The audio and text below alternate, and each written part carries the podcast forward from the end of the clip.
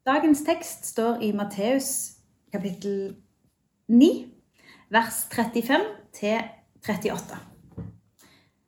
Jesus vandret nå omkring i alle byene og landsbyene. Han underviste i synagogene deres, forkynte evangeliet om riket og helbredet all sykdom og plage. Og da han så folkemengdene, fikk han inderlig medfølelse med dem, for de var forkomne og hjelpeløse, som sauer uten gjeter. Da sa han til disiplene sine, Høsten er stor, men arbeiderne få. Be derfor høstens herre sende ut arbeidere for å høste inn grøden hans.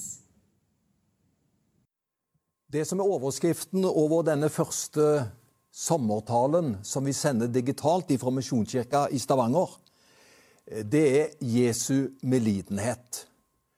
Det som er spesielt med Jesus, det er at han forstår oss, han kommer oss i møte, og han ønsker det beste for alle mennesker. I teksten som vi har fått høre lest opp for denne dag, så står det at da Jesus ser folkemengden, så synes han inderlig synd på dem. For som han sier, de er som sauer uten hyrde. Altså, når menneskenes behov, det som de sliter med, når det går inn på Jesus, så får han inderlig medlidenhet, medynk med dem. Og det vil jeg bare skynde meg å si, slik er Jesus også i dag. Når han ser oss mennesker, hvordan vi har det, og hva som kan være, være våre utfordringer, så tenker han på oss. Han har omsorg, han har medlidenhet med oss.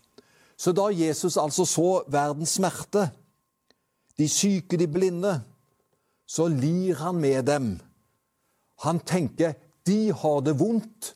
Og det var jo derfor Jesus kom. Han sier det et sted. Jeg kom ikke for de friske, men jeg kom for de syke, for at de skulle få oppleve legedom. Jesus han har medlidenhet med mennesker i ulike situasjoner. Jeg vet ikke om du husker den beretningen da Jesus er på vei inn til byen Nain. Der møter han han er sammen med disiplene. Der møter han en mengde mennesker. Og da ser han et gravfølge som er på vei ut av byen. Og så er Jesus på vei inn der. Og så ser han de som følger gravfølget til grava. Og så ser han der er det ei, ei mor, der er det ei enke. Og så får han høre at hun går der og skal begrave sin eneste sønn. Og da vet Jesus Enken har mista mannen sin. Hun har mista alt, og nå mister hun den eneste sønnen som hun har. Og Når Jesus ser det, så stopper han ved den døde. Og så legger han sine hender på den døde, og så sier han, i Jesu navn, stå opp og gå. Og så får den døde livet tilbake. Det var en som så akkurat den situasjonen som denne enken i Nain hadde. Og så viser Jesus inderlig medfølelse over for den sorgen og fortvilelsen hun er i.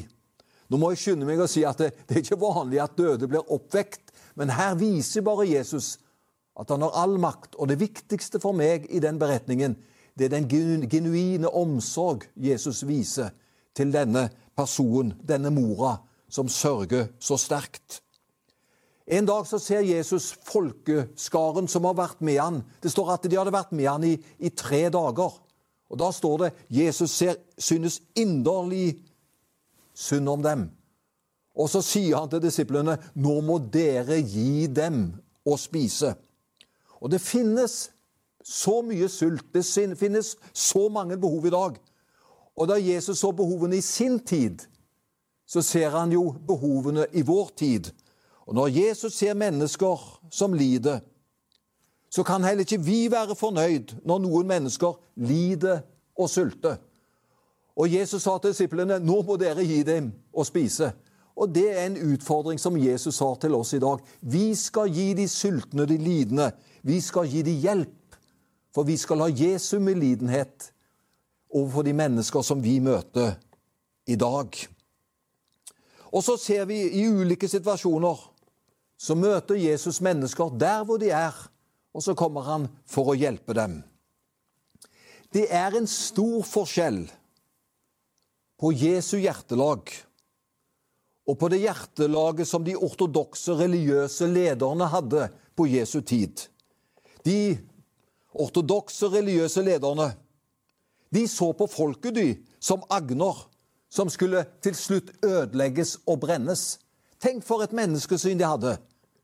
Hvis ikke menneskene gjorde akkurat slik som de ortodokse religiøse lederne mente, så er de som agner som en dag skal ødelegges og brennes. Jesus ser på de samme menneskene med helt andre øyne. Han ser på dem som en grøde som skal høstes inn og reddes. Og denne grøden, denne høsten, som skal høstes inn, det er kirkens oppgave i dag.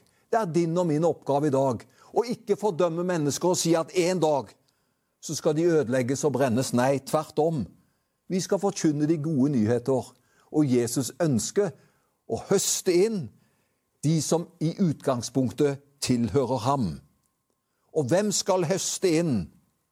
Om ikke Kirken, om ikke du og jeg utfører oppdraget som enhver kristen har fått, nemlig å være en høstarbeider. Må Gud velsigne oss at vi bruker de anledninger vi har, med Jesu omsorg, med Jesu medlidenhet, med Jesu hjerte. Da blir det mer enn ord. Da blir det virkelighet som virkelig kan være til hjelp for mennesker. Ta med deg dette ut i ferien. Ta det med deg at vi kjenner en som har medlidenhet, som har omsorg, som vil oss vel. Hans navn er Jesus. Og så ber vi for, for hverandre, vi husker på hverandre. Og helt til slutt nå så skal du få med deg velsignelsen. Herren velsigne deg og bevare deg. Herren la sitt ansikt lyse over deg og være deg nådig. Herren løfte sitt åsyn på deg og gi deg fred. I Jesu navn. Amen.